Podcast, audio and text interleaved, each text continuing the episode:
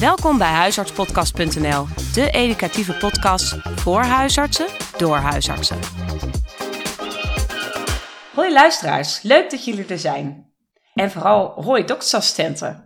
Eerst even een korte intro. In navolging van de veelbeluisterde podcast Een lichter spreekuur, oplossingsgericht werken in de huisartspraktijk en oplossingsgericht leiding geven, is onze derde podcast speciaal voor jullie. Deze podcast is dus bedoeld voor doktersassistenten, maar ook als huisarts leuk om te luisteren. En is een goede voorbereiding op de trainingen van Mura. Nou, samen met Pieter Jansen, die hier al tegenover mij zit aan de keukentafel. Hoi Pieter. Hi. Jij bent uh, huisarts, trainer en, ja, mag ik wel zeggen, ambassadeur van het oplossingsgericht werken. Gaan we vandaag in op de vraag hoe je als doktersassistenten met meer energie naar huis kan gaan, hoe je hospitality in de huisartspraktijk vormgeeft en hoe je op je werk een positieve sfeer creëert. Ik ben Tessa Dijksman, ook huisarts. Veel luisterplezier! We willen graag even beginnen met een column uit de Volkskrant van Paulien Cornelissen. Hier komt ie. Ik zal me eerst even voorstellen. Ik heet Maria, zei de verpleegkundige die het uitstrijkje moest afnemen. Ze nam alles rustig met me door, checkte of het goed met me ging en zei dingen als: Ik ga je nu aanraken en raakte me dan pas aan. Dit resulteerde in een pijnloze procedure zonder ook maar één ongemakkelijk moment. Na afloop complimenteerde ik haar, waarop ze uitlegde: Ik ben dan wel op zoek naar die baarmoedermond, maar er zit natuurlijk nog een heel mens omheen. De rest van de dag voelde ik me op een prettige manier de mens om de baarmoeder. Ik weet al dat verpleegkundigen liever geen verpleegster meer worden genoemd, laat staan zuster, maar graag had ik Maria zuster Maria genoemd. Dat zou precies aangeven hoe verzorgend lief en gezellig ze was. Ik gun iedereen die een uitstrijkje moet laten maken een zuster Maria en eigenlijk alle andere mensen ook. Mooi hè, Pieter? Ja, ja. geweldig. Zo wil je toch benaderd worden?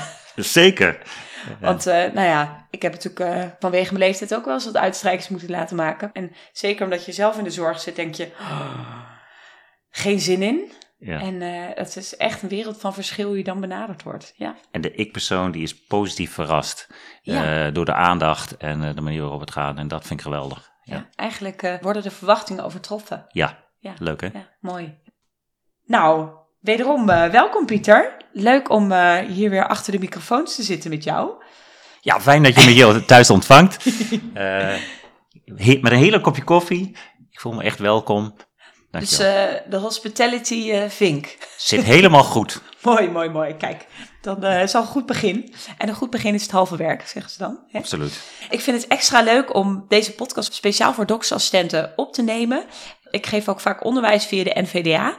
Ik ben altijd erg onder de indruk slash fan van doktersassistenten. Ik vind ook echt dat het de moeilijkste en meest verantwoordelijke baan is die je met, met een mbo-opleiding kan uitvoeren.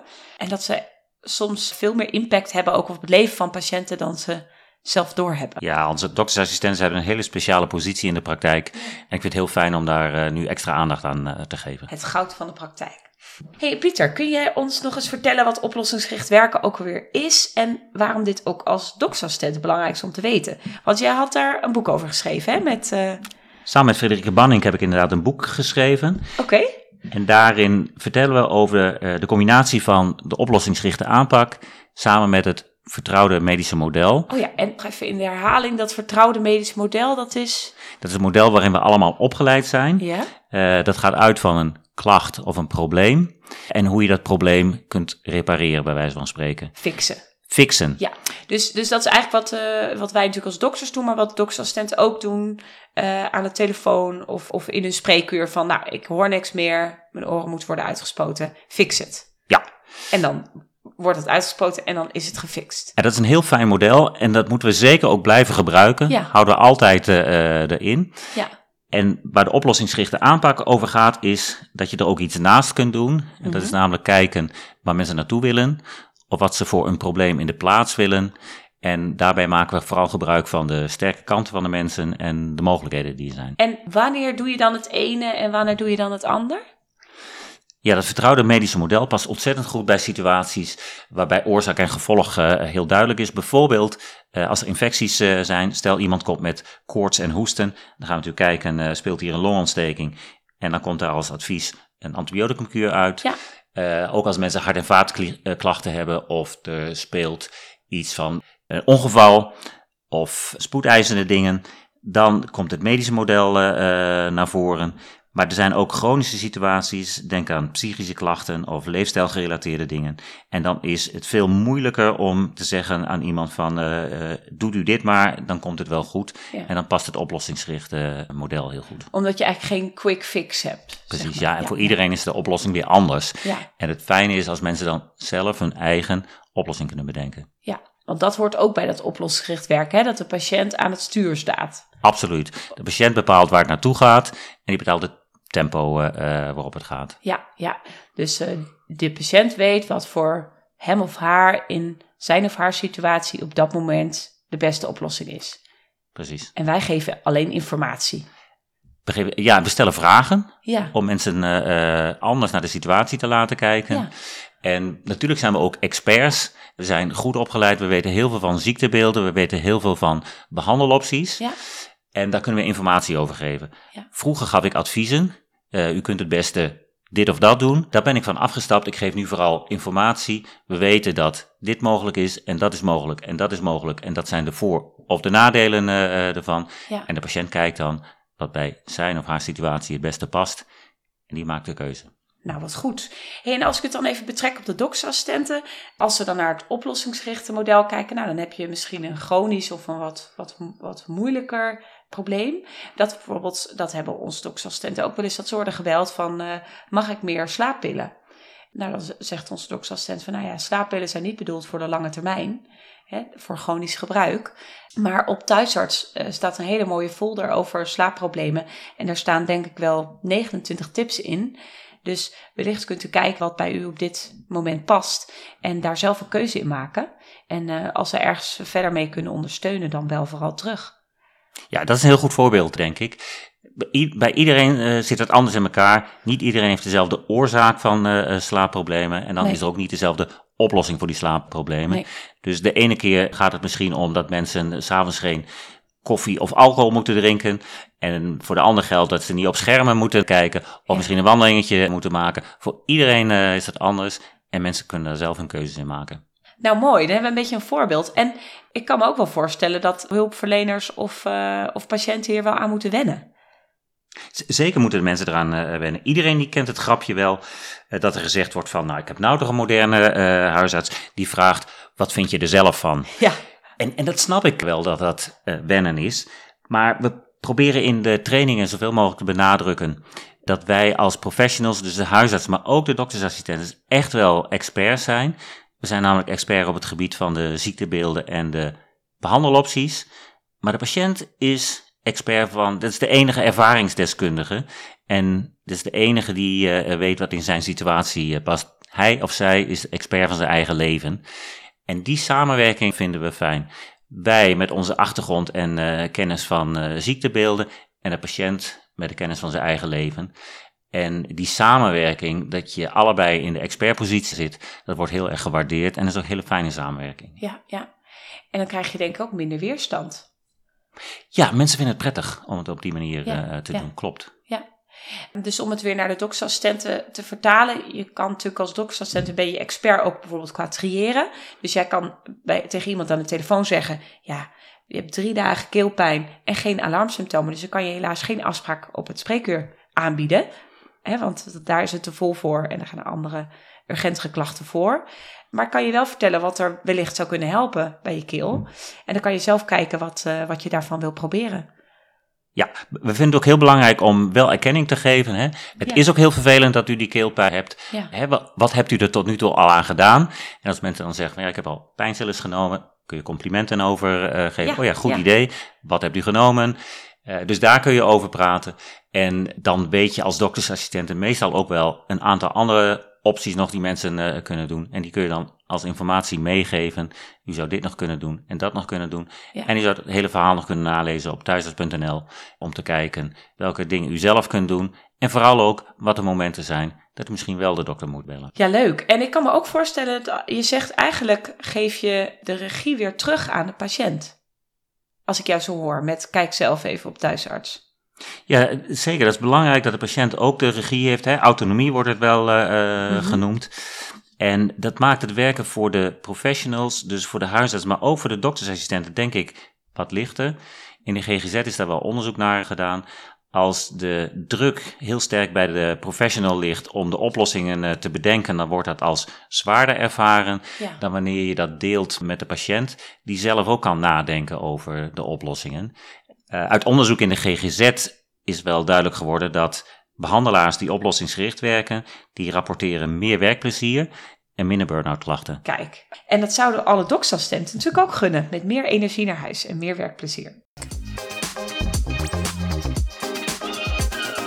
Ik heb ook even aan mijn doktersassistent gevraagd van, nou, wat zou je nou willen weten over dat oplossingsgericht werken? En zij zeiden eigenlijk, ja, wat ik vaak merk is dat ik dan eh, aan de telefoon ben en patiënten willen dan toch graag, als ik vraag wat willen ze, dan willen ze toch graag een afspraak, maar het spreekuur is al te vol. Hoe pak je dat dan aan? Ja, Want als ik, de ik snap- regie aan de patiënt geef, ja, dan willen ze een afspraak bij de huisarts. Ik snap die vraag heel goed. Ja. Eh, en ik denk dat er twee kanten aan zitten. Mhm. Voor het maken van een afspraak is gewoon triage nodig. Ja. En die triage die gaat gewoon via het vertrouwde medische model. Hoe dringend is het? Bij wie moet de afspraak gemaakt worden? Dat is gewoon probleemgericht. Ja, oké, dus dat is echt dat medische model. Dus bijvoorbeeld weer met drie dagen keelpijn zonder alarmsymptomen mag je niet op de spreker komen. Ja, klopt. En toch denk ik dat het dan uitmaakt in wat voor toon en wat voor sfeer het gesprek eh, verloopt. Het kan enorm helpen als je voldoende erkenning eh, geeft. Het is ook heel vervelend eh, dat u met die keelpijn zit. Je kunt ook Elke keer slikken pijn doet. Absoluut erg vervelend. Ja, Je kunt ook complimenten geven over wat mensen misschien al gedaan hebben aan goede dingen. ja, Wat goed dat u eh, al pijnstillers hebt gebruikt. Wat heb u precies gebruikt? Oh ja, goede keus.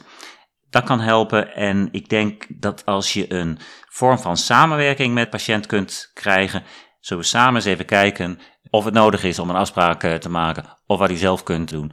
Of wat wel een goed moment is om opnieuw contact op te nemen. Dat doet iets met de sfeer en dat maakt het denk ik leuker.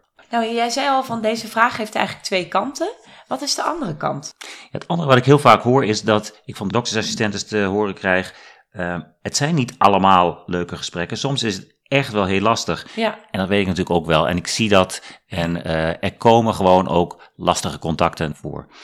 Maar dan denk ik bij mezelf: ga je nou je aanpak afstemmen op die lastige contacten? Of ga je aanpak afstemmen op de leuke contacten?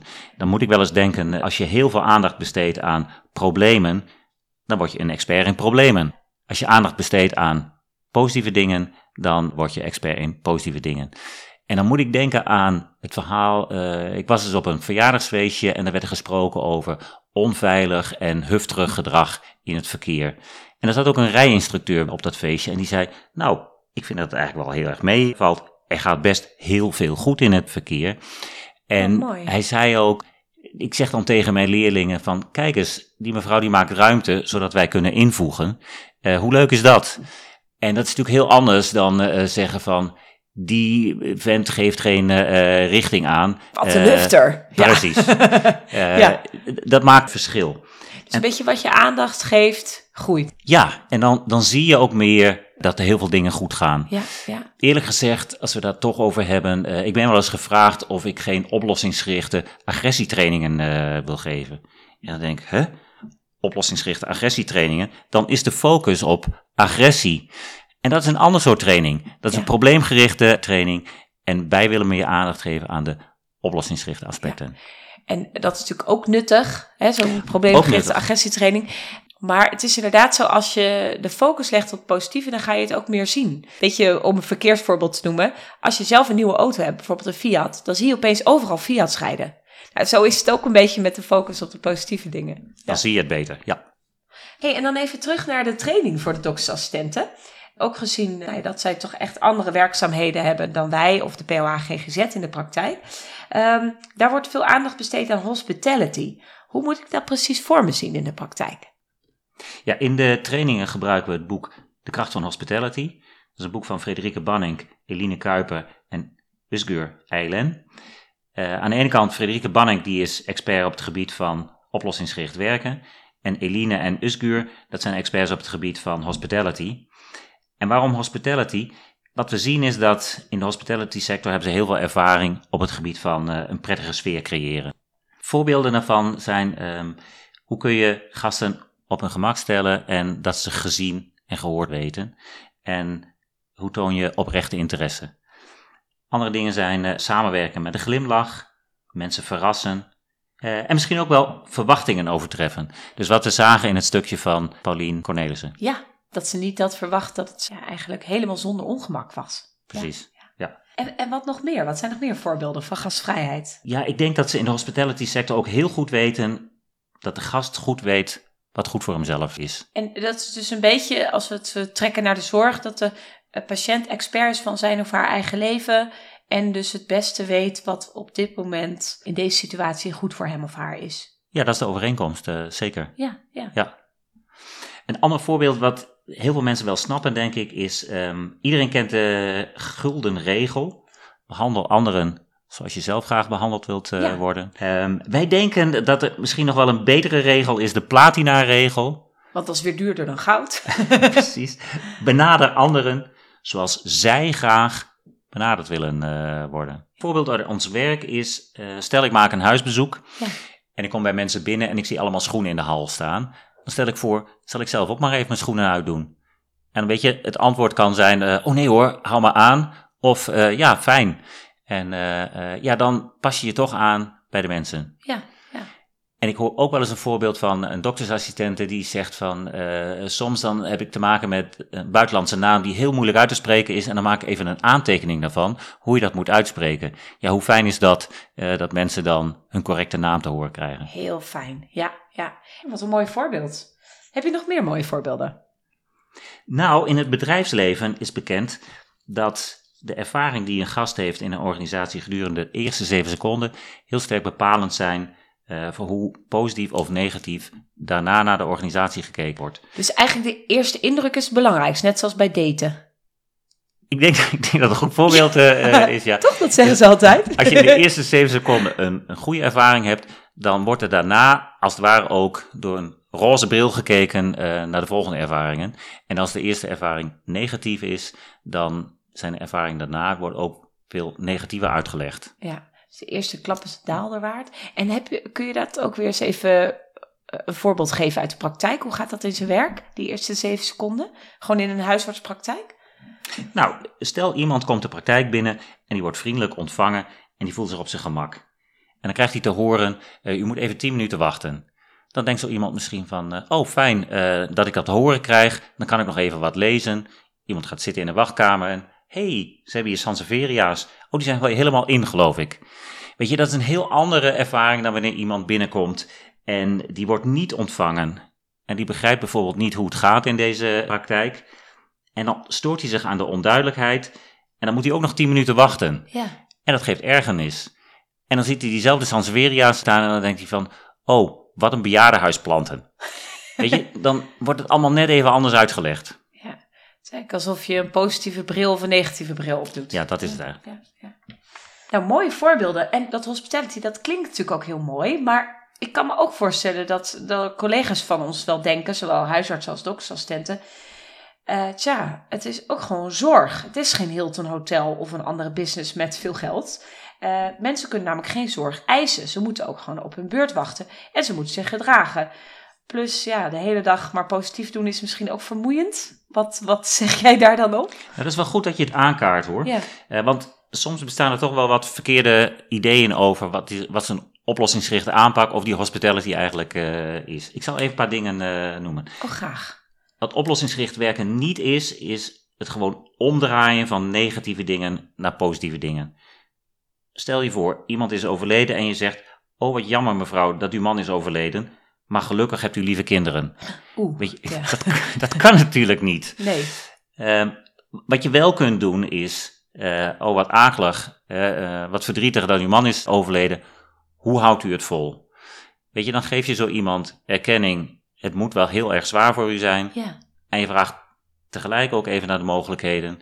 Hè, wat, wat lukt er om toch op de been te blijven? Dus dat is vragen naar, naar de mogelijkheden. Ja, en dan kan het antwoord zijn mijn kinderen, maar dat is dat kan. en weet je, soms krijg ik ook andere antwoorden en dan zeggen vanwege mijn geloof hou ik het vol. Ja. Uh, of ik heb katten uh, waar ik voor moet zorgen. Weet je, het kan voor iedereen heel verschillend zijn. Ja, dit is natuurlijk een heel mooi voorbeeld.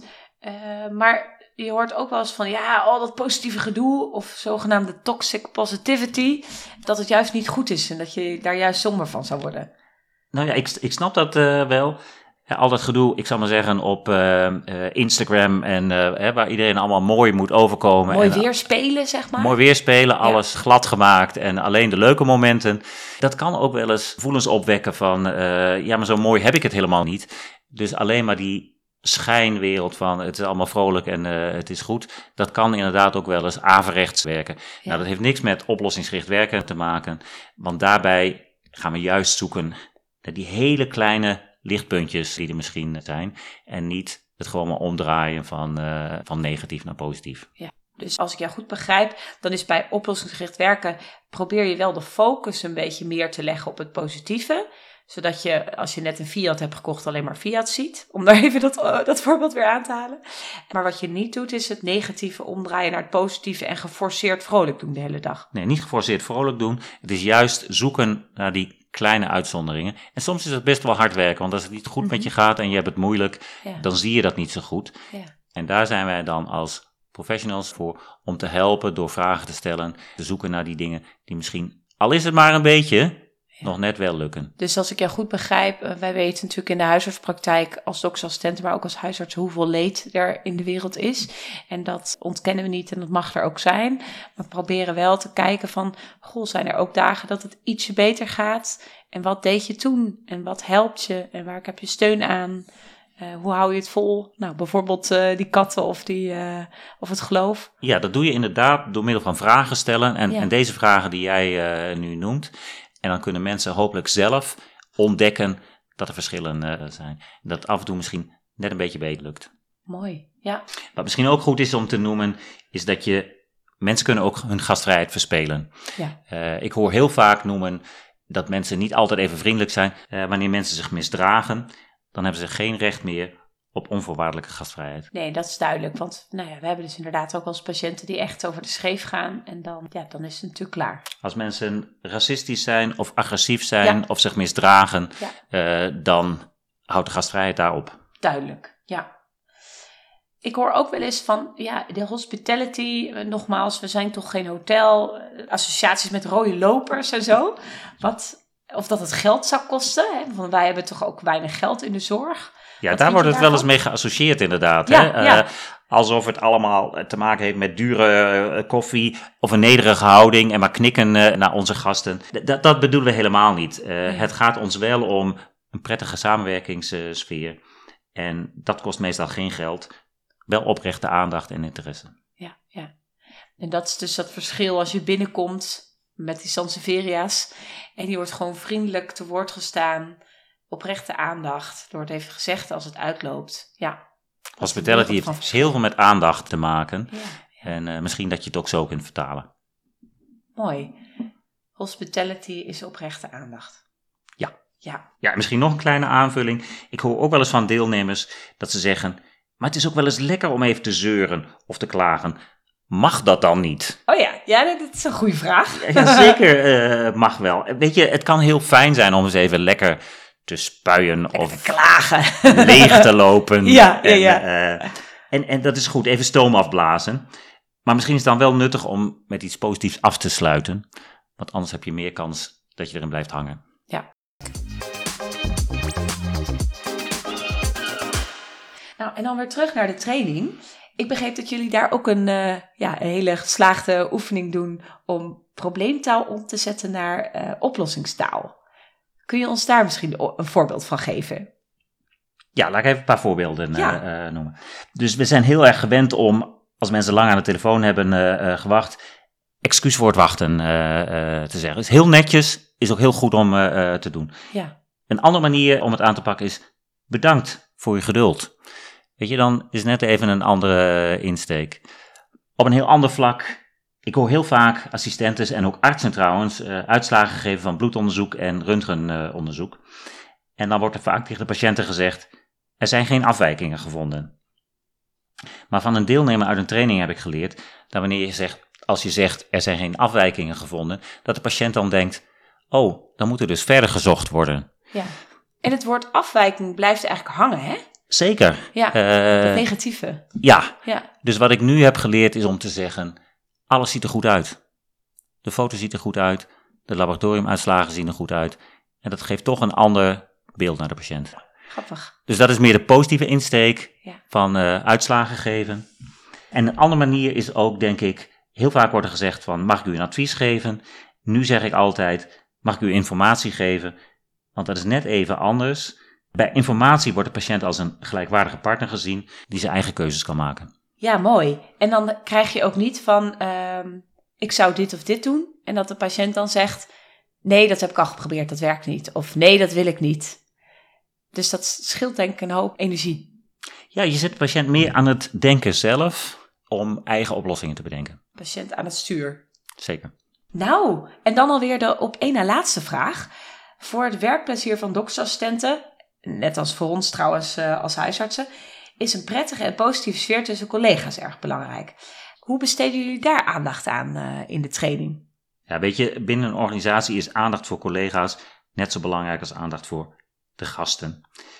En, Of eh, de patiënten? ja, ja, Ja. ik gebruik met opzet eh, de term gasten af en Ja, toe. Ja, Eh, want zo kun je ook naar de mensen kijken die bij ons in de praktijk komen. Eh, en collega's die vinden het ook belangrijk dat ze gezien en gehoord worden. Dat hun sterke kant ook gezien worden. ja. En ze willen ook dat er met hen zo omgegaan wordt zoals zij dat graag willen. Platina regel. Ja, ja. En in de trainingen bespreken we wat goed is voor een goede werksfeer en wat je daar zelf aan kunt doen. Nou, ik zal even een aantal oefeningen eh, noemen die we daarvoor doen. De positieve start. Begin je een bijeenkomst of een dag om een positieve sfeer te creëren. Of een vergadering, toch? Of een vergadering kun je ja. ook doen, de positieve start. Soms kun je een oefening doen met positief roddelen, positief paranoia, het aanstellen van een geluksdetective. Is heel leuk te doen om dat in, eh in tourbeurt eh, en mensen die opdrachten geven. Oké. Kijken naar de sterke kanten van medewerkers en misschien ook wel de sterke kanten van de organisatie. En succesverhalen verzamelen. En dat zijn allemaal oefeningen waar we in de training mee aan de slag gaan. En is dit dan eh, uit de positieve psychologie? Of is dit eh, ook dat oplossingsgericht werk of een mix? Dit is een mix inderdaad. In de positieve psychologie probeer je positieve emoties te vergroten. Ja, Dus hoe kan ik de hoop vergroten? Hoe kan ik het vertrouwen vergroten? Hoe kan ik compassie of zelfcompassie vergroten of empathie? Dat is door aandacht aan te besteden. ja. Nou, en deze oefeningen klinken allemaal heel leuk. Mag ik eentje alvast toch wat over vragen? Wat is positieve paranoia? Het klinkt eh, heel interessant. Oké, positieve paranoia. Eh, dus dat is, paranoia is achterdocht. Ja, ja. Zodat we naar elkaar gaan eh, kijken wat er gebeurt. En die oefening is als volgt bedoeld. Stel je hebt over een aantal maanden een bijeenkomst. Ja. Een heidag met de praktijk. Ja, Dan ga je in die, maand, in die periode ervoor ga je met elkaar afspreken dat je in duo's dingen gaat organiseren die goed zijn voor de praktijk. Laat ik even mezelf dan nemen. Samen met een collega had ik bedacht, we gaan allerlei rommeltjes eens opruimen en dingen schoonmaken. En eh, ik had de schoonmaker ook gevraagd van, eh, joh, jullie weten het veel beter, wat, eh, wat moet er nog meer opgeruimd worden? Nou, kijk maar eens naar de gordijnen van de onderzoekkamer. Oh ja, die zijn heel vies. Dus ik had de gordijnen op vrijdagavond meegenomen en op zondagavond gewassen weer opgehangen. En wat je dan krijgt is dat op die heidag wordt er gevraagd, nou, wat hebben de verschillende duo's allemaal gedaan? En wij kregen bijvoorbeeld als opmerking van, oh wat leuk dat je aan het eind van de dag nog even kwam voor een praatje en dat jullie dit hebben gedaan en dat hebben gedaan. Maar dat was ons plan helemaal niet. dat hoorde er helemaal niet bij. Dat hoorde, dat hoorde niet bij Had ons iemand plan. wel die gordijnen gezien? Niemand had het gezien van de gordijn, maar dat was niet erg. Nee.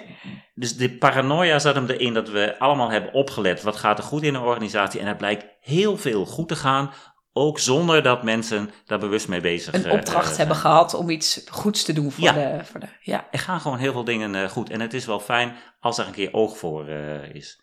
Dus dat is het idee van de Dus eigenlijk geef je, eh, krijgen eh, de medewerkers dan allemaal focus op het positieve. Ja. Ja, oh wat leuk. Dat is het ja. idee ervan. Ja, ik zou dan ook de hele dag denken van, hmm, is er wat anders? Oh, we hebben wel hele lekkere koekjes bij de koffie. Zou dat het zijn? Ja, Bijvoorbeeld, ja. ja positieve achterdocht. Grappig zeg. Hey, en ehm, jij zei ook van, eh, nou, eh, ik geef die trainingen nu hè, voor de doktersassistenten over oplossingsgericht werken. En dat je ook hele goede voorbeelden van hen hoort over gastvrijheid of over eh, positieve sfeer op het werk. Kun je een paar van die voorbeelden nog met ons delen? Ja, ik heb even een lijstje meegenomen, want dat zijn dan dingen die deelnemers zelf noemen. Oh ja, ik ben heel benieuwd. Die ze al doen. Ja, Ik hoorde van de assistenten, ik zwaai altijd naar de patiënt als ze binnenkomen. Hoe leuk is dat? Heel Eh, leuk. Oh, dat kan bij ons ook. We hebben van die ramen aan de straatkant. Ja. Mensen vinden het heel fijn, want dan weten ze gezien eh, Ja. als ze binnenkomen. Ja. Ik hoorde voorbeelden van het plakken van een post-it met een eh, lieve boodschap op het beeldscherm. Eh, ik hoorde voorbeelden dat mensen zeggen van als er iets gevierd moet worden, gaan we bewust ballonnen en slingers ophangen om het zichtbaar eh, te maken. Oh, wat leuk. Ik Ja. hoor voorbeelden bewust veel complimenten geven of een extra gesprekje met een collega die het moeilijk heeft. Ik hoorde voorbeelden dat mensen juist extra vroeg komen om koffie te zetten en de vaatwasser alvast uit te ruimen. Oh, wat Of- heerlijk. Ja. Koffie rondbrengen, eh, hoorde ik. Een hele leuke praktijk, eh, die ging de kerstkaarten die ze van patiënten kregen, gingen ze beantwoorden. Wat als gevolg had dat heel veel patiënten kerstkaarten gingen eh, sturen. En hadden ze toen nog tijd om alles te beantwoorden? Ja, ze vonden het leuk. Ja, ja leuk. Er is een praktijk die opkikkerkaarten stuurt naar patiënten die het moeilijk hebben. Er is een praktijk die een positieve box heeft met allerlei leuke anekdotes erin. Sommige praktijken hebben een gastvrouw aan de balie. En ik heb één keer gehoord van een praktijk die hun dag afsloten met een dansje. Eh, nou, nou. Dan ga je ook vrolijk naar huis. Ja, zeker. En toevallig hoorde ik van de week een assistent aan de telefoon en die sloot het gesprek af met een heel vrolijk tot straks. Nou ja, hoe fijn is dat voor de patiënt om zich zo welkom eh, te voelen. Super. Ja. Hey, en dan even aan jou de vraag, wat zie jij in de praktijk allemaal als voorbeelden van dingen die goed zijn voor de gastvrijheid? Nou, ik denk dat ehm, alle patiënten bij ons wel echt een warm welkom krijgen. Ze, gaan ook eerst langs de assistenten. Daar, daar komen ze als eerste langs. Dus dan worden ze aangemeld. En nou, welkom, gaat u zitten. Dus ik denk dat dat heel goed gaat bij ons. En we hebben dus inderdaad zo'n raam. Dus dat zwaaien zouden we nog, eh, zouden we nog kunnen doen. Ja, wat ik ook wel leuk vind, we hebben ook limonade op de praktijk. Dus als iemand zich dan even niet goed voelt, dan eh, komt de assistente met een glaasje limonade. Bijvoorbeeld eh, na een spiraal of eh, komt ze met een glaasje limonade aan. Dat vind ik altijd heel lief. Ja, en ik vind het in het algemeen dat, dat onze doktersassistenten als heel vrolijk en heel aardig zijn naar de patiënt. Dus dat ik echt, eh, dan hoor ik wel eens een assistent erboven bezig met uitspuiten. En een enorm gelach uit de kamer. En dat ik ook denk, volgens mij is het ook gewoon heel gezellig. Dat geeft, geeft ook echt een positieve sfeer op het werk. Ja, dat is wel een thema wat ik heel vaak terughoor. Humor kan ontzettend veel eh, eh, goed doen. Ja, en een gezellige sfeer. En heb jij nog een voorbeeld uit jouw praktijk, Pieter? Nou, we zijn naar een nieuw praktijkpand eh, gegaan en daarbij hebben we erg opgelet op de inrichting, want daarmee kun je ook een sfeer van gastvrijheid creëren. We hebben bijvoorbeeld nagedacht over hoe doen we dat met de meubels. We hebben heel verschillende situaties in de wachtkamer gecreëerd. Er staat ergens een bankje wat een soort huiskamersfeer is. Ja, bij een bankje kan een kind tegen zijn moeder aankruipen. Maar we hebben ook een leestafel waar mensen eh, eh, kunnen lezen. We hebben stoelen met leuningen, want soms is het handig voor oudere mensen of voor mensen met reuma om zich op te kunnen drukken. Ja. Maar niet iedereen past tussen leuningen. Dus we hebben ook stoelen zonder leuningen. Dus het is eigenlijk een beetje voor elk wat wils. Voor elke, daar, daar is het voor bedoeld. Ja, dus met die ogen, iedereen is anders. Ja. Eh, en laten we dan ook zoveel mogelijk verschillende mogelijkheden creëren, zodat Ja. mensen wat te kiezen hebben. Het is ook echt eh, gastvrijheid, hè? Ja. Denk ik. Dus we hebben bij het inrichten ook daar even op gelet. Nou, wat een inspirerende voorbeelden. hey, en dan zijn we denk ik aan het einde gekomen van deze podcast. En dan komt mijn laatste vraag. Wat zou je de luisterende doktersassistenten willen meegeven? Wat, wat kunnen ze bijvoorbeeld morgen al anders doen in de praktijk? Wat je morgen gelijk al kunt doen, ja, het creëren van een positieve sfeer, denk ik. En hoe doe je dat? Oprechte interesse tonen voor de ander, voor Ja. de collega en voor de patiënt. Samenwerken met een glimlach. Je collega's verrassen. Veel complimenten geven en bedankjes. Ik denk dat je daarmee een hele positieve sfeer kunt eh, creëren. Super. Daar zou ik zelf ook blij van worden. Ja, daar wordt de ander blij van en jezelf wordt er ook een beetje blijer van. Mooi. En eh, graag tot de volgende keer. Je luistert naar een podcast over oplossingsgericht werken, speciaal voor de doktersassistenten, met huisarts en ambassadeur van het oplossingsgericht werken, Pieter Jansen. We bespraken hoe je als doktersassistent met meer energie naar huis gaat, hoe je hospitality in de huisartspraktijk vormgeeft en hoe je op werk een positieve sfeer creëert. Wil je ook een workshop volgen? Kijk op mura.nl slash bijeenkomsten. En ik ben Tessa Dijksman, huisarts. Graag tot de volgende keer. Bedankt voor het luisteren. Bekijk ook onze website op huisartspodcast.nl. Voor vragen of suggesties kun je mailen naar huisartspodcast.gmail.com. Tot de volgende keer.